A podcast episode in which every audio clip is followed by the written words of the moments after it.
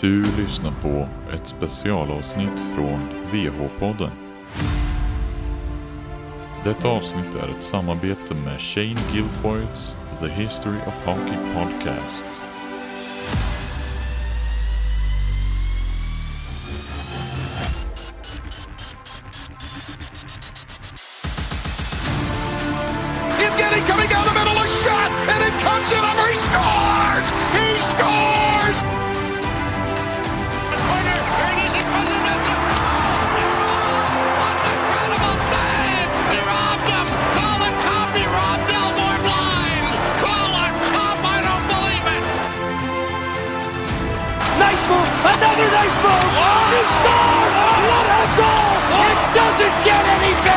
This. Now back Oh my. Back Oh my. Down goes Jorgensen. One punch, two punch. You're out of here.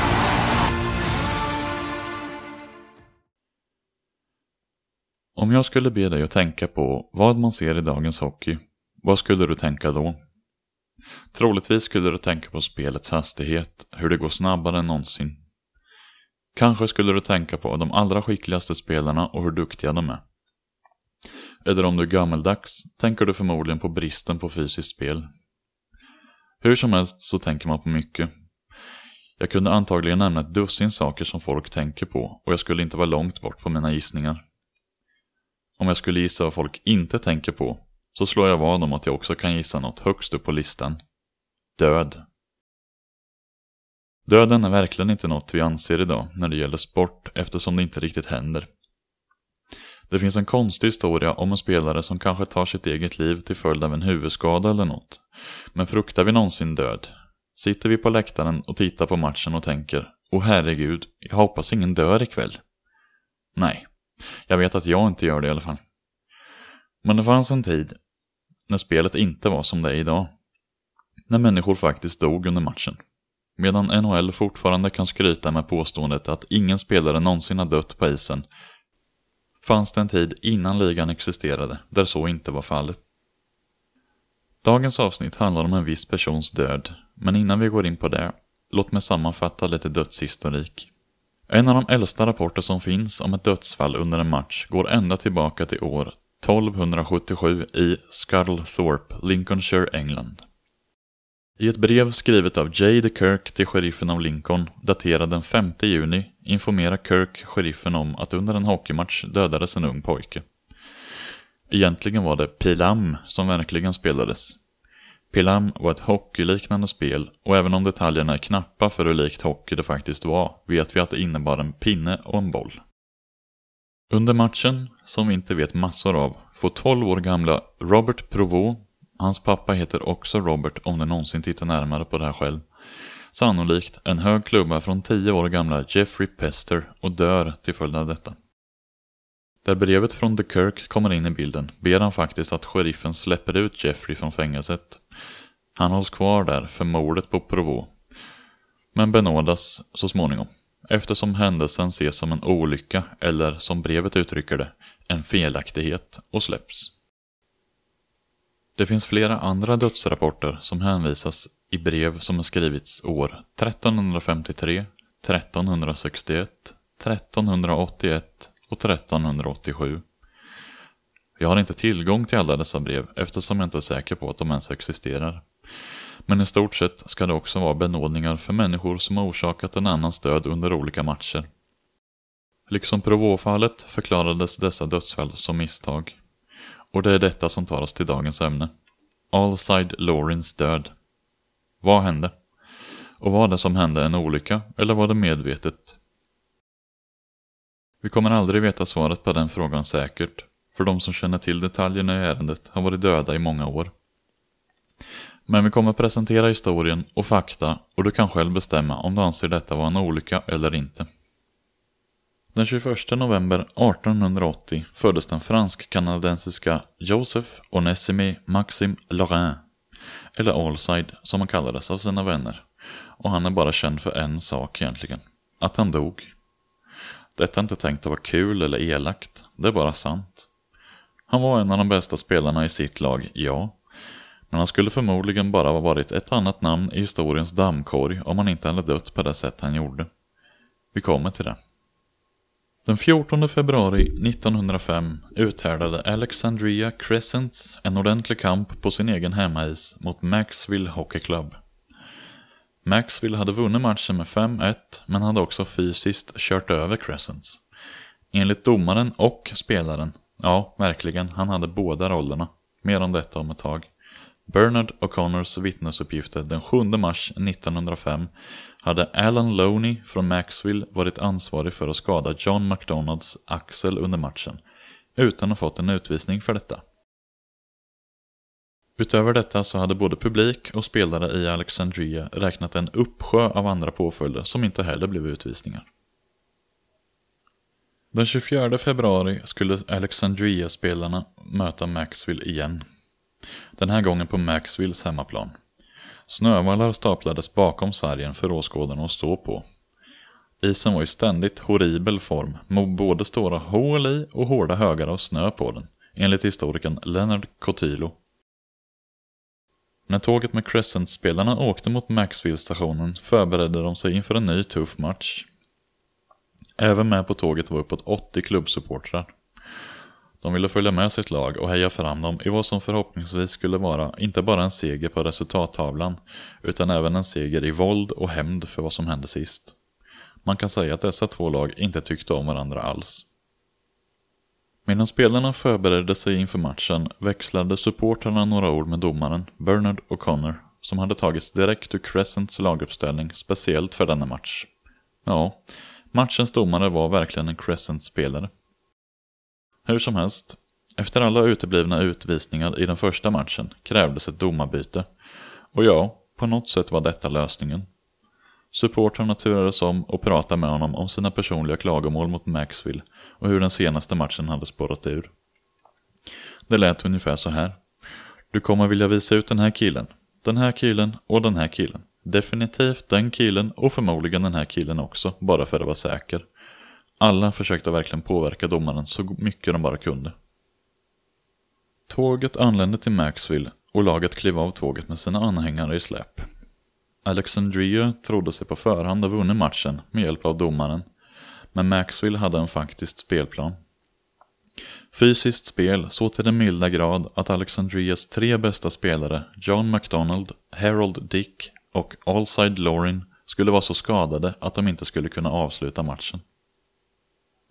När matchen började visade den helt opartiska domaren Bernard O'Connor direkt att han inte hade glömt vad Alexandria-spelarna och supportrarna hade sagt till honom på tåget.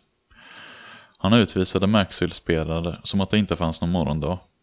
Om en Maxwell-spelare så mycket som tittade på honom dömde han utvisning. Vid ett tillfälle hade O'Connor blivit så visselglad att han hade fyra av de sju tillgängliga Maxwell-spelarna utvisade. För de som sitter hemma och räknar på det nu så var det alltså ett 7 mot 3 powerplay till förmån för Crescents. Trots sina fördelar med utvisningar hade Crescents problem med att göra mål. De lyckades äntligen göra ett och tog ledningen med 1-0 nära slutet av första halvlek. Ja, halvlek. Alexandria ville snabbt stänga matchen med ännu ett mål när Crescents kapten Allside Lorin tog upp pucken och satte fart mot målet. Han dribblade av fyra Maxwell-försvarare när han kom längs isens högra sida. Publiken började leva upp när de förväntade sig att Lorien skulle avsluta sin rush med ännu ett mål. Men sen träffades han av den 19-åriga Maxwell-försvararen och tuffingen Alan Loney. Sanningen om vad som hände härnäst beror helt på vem vi frågar. Och helt ärligt kommer vi aldrig få veta hela sanningen. Med detta sagt så kommer vi från och med nu följa den mest populära versionen av berättelsen när Lorin åkte mot målet gjorde sig Alan Loney redo. Han höjde sin klubba och slog Lorin i huvudet.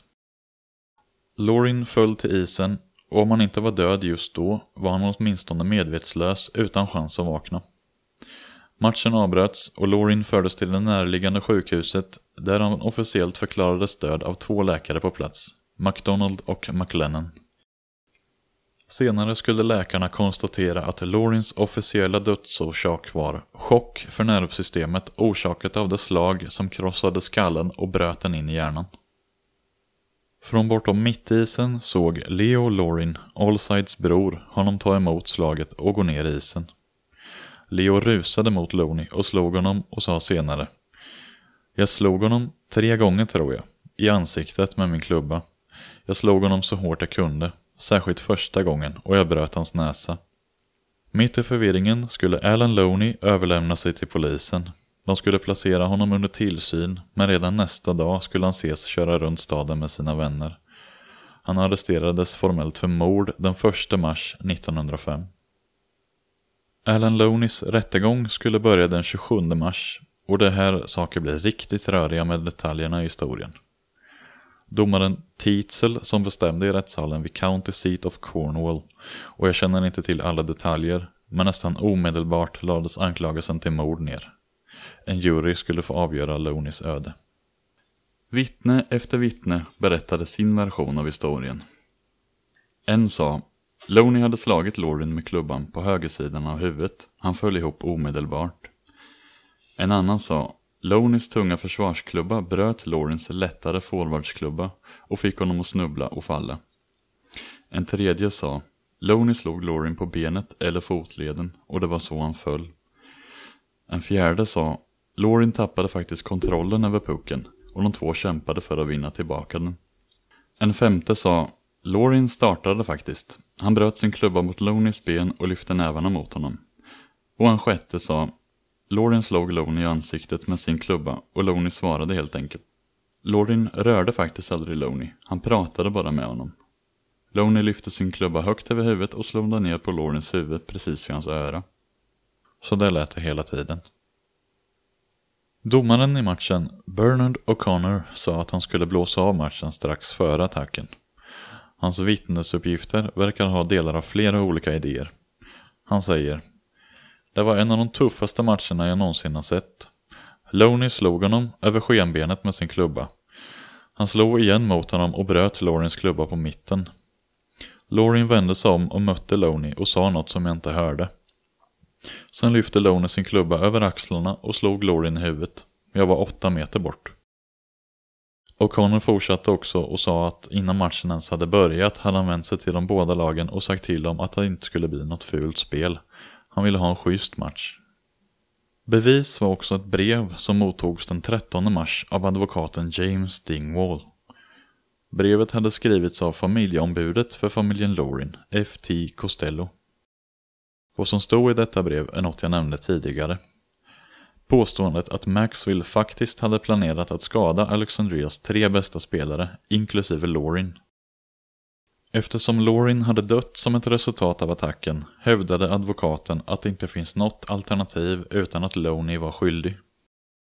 Var Lorin-familjen och Mr Costello fick denna information om en förplanerad attack ifrån är det ingen som vet. Var det verklig information eller uppfanns den? Vi vet inte riktigt. Men det var dock mer att tänka på i Loneys skuld. Åskådarnas vittnesuppgifter var delade. Inte helt chockerande kanske, men alla Maxwell-invånare sa att Lorin hade startat bråket och att Loney bara hade försvarat sig, eller att det var en olycka och, naturligtvis, alla från Alexandria sa att Loney var ensam ansvarig för attacken. Vad finns att säga om mannen som begick handlingen? Alan Loney. Vad hade han att säga för sig själv? Han vittnade och han gav förmodligen det minst definitiva svaret som någon någonsin kan ge. Jag vet inte. I sitt återkallande av vad som hände uppgav Loney att han hade blivit slagen av Lorin, ett slag som bröt Loneys näsa. Som ett resultat av slaget snubblade Loney bakåt. Efter det, vem vet? Här är Loneys egna ord hämtade från hans vittnesmål. Jag blödde mycket. Jag vacklade bakåt. Jag vet inte vad som hände. Jag var i ett förvirrat tillstånd. Och det var det. Loney var färdig med sitt vittnesmål och domare Tietzel överlämnade ärendet till juryn. Innan han gjorde det bad han dock jurymedlemmarna att överväga något. Behövde Loney döda Lorin för att försvara sig? Ganska enkelt. Under de fyra timmarna av överläggningen övervägde juryn alla vittnesmål. Brevet från familjeadvokaten, hur denna förmodade planering för att skada spelare och matchens karaktär hade påverkat Lorins död. De ansåg att, trots domarens varningar och försök att kontrollera galenskapen, hade Lorin ändå dött. I slutändan beslutade juryn att vittnesmålen ogiltigförklarade varandra. Maxville-invånarna sa en sak, Alexandria-invånarna sa en annan. Så med tanke på detta tänkte juryn att allt som var kvar var Lonis ord om vad som hade hänt. Han var närmast situationen trots allt. Jag menar, den andra killen som var där, Laurin, var ju död. Med Lonis ord kände juryn att de inte hade något val och bestämde sig för att frikänna Loni. Domaren Tietzel uttryckte sitt missnöje med domen när den angavs. I själva verket var han så upprörd över domen att han gick hela vägen till Ottawa Grand Jury och bad om råd vad han skulle göra och hur man skulle kunna förhindra framtida tragedier. Nu är jag inte säker på om man ska skratta åt den här sista delen, men Ottawa Grand Jury ryckte bara på axlarna och rekommenderade att en andra domare skulle krävas för alla framtida matcher. Tack för att ni har lyssnat.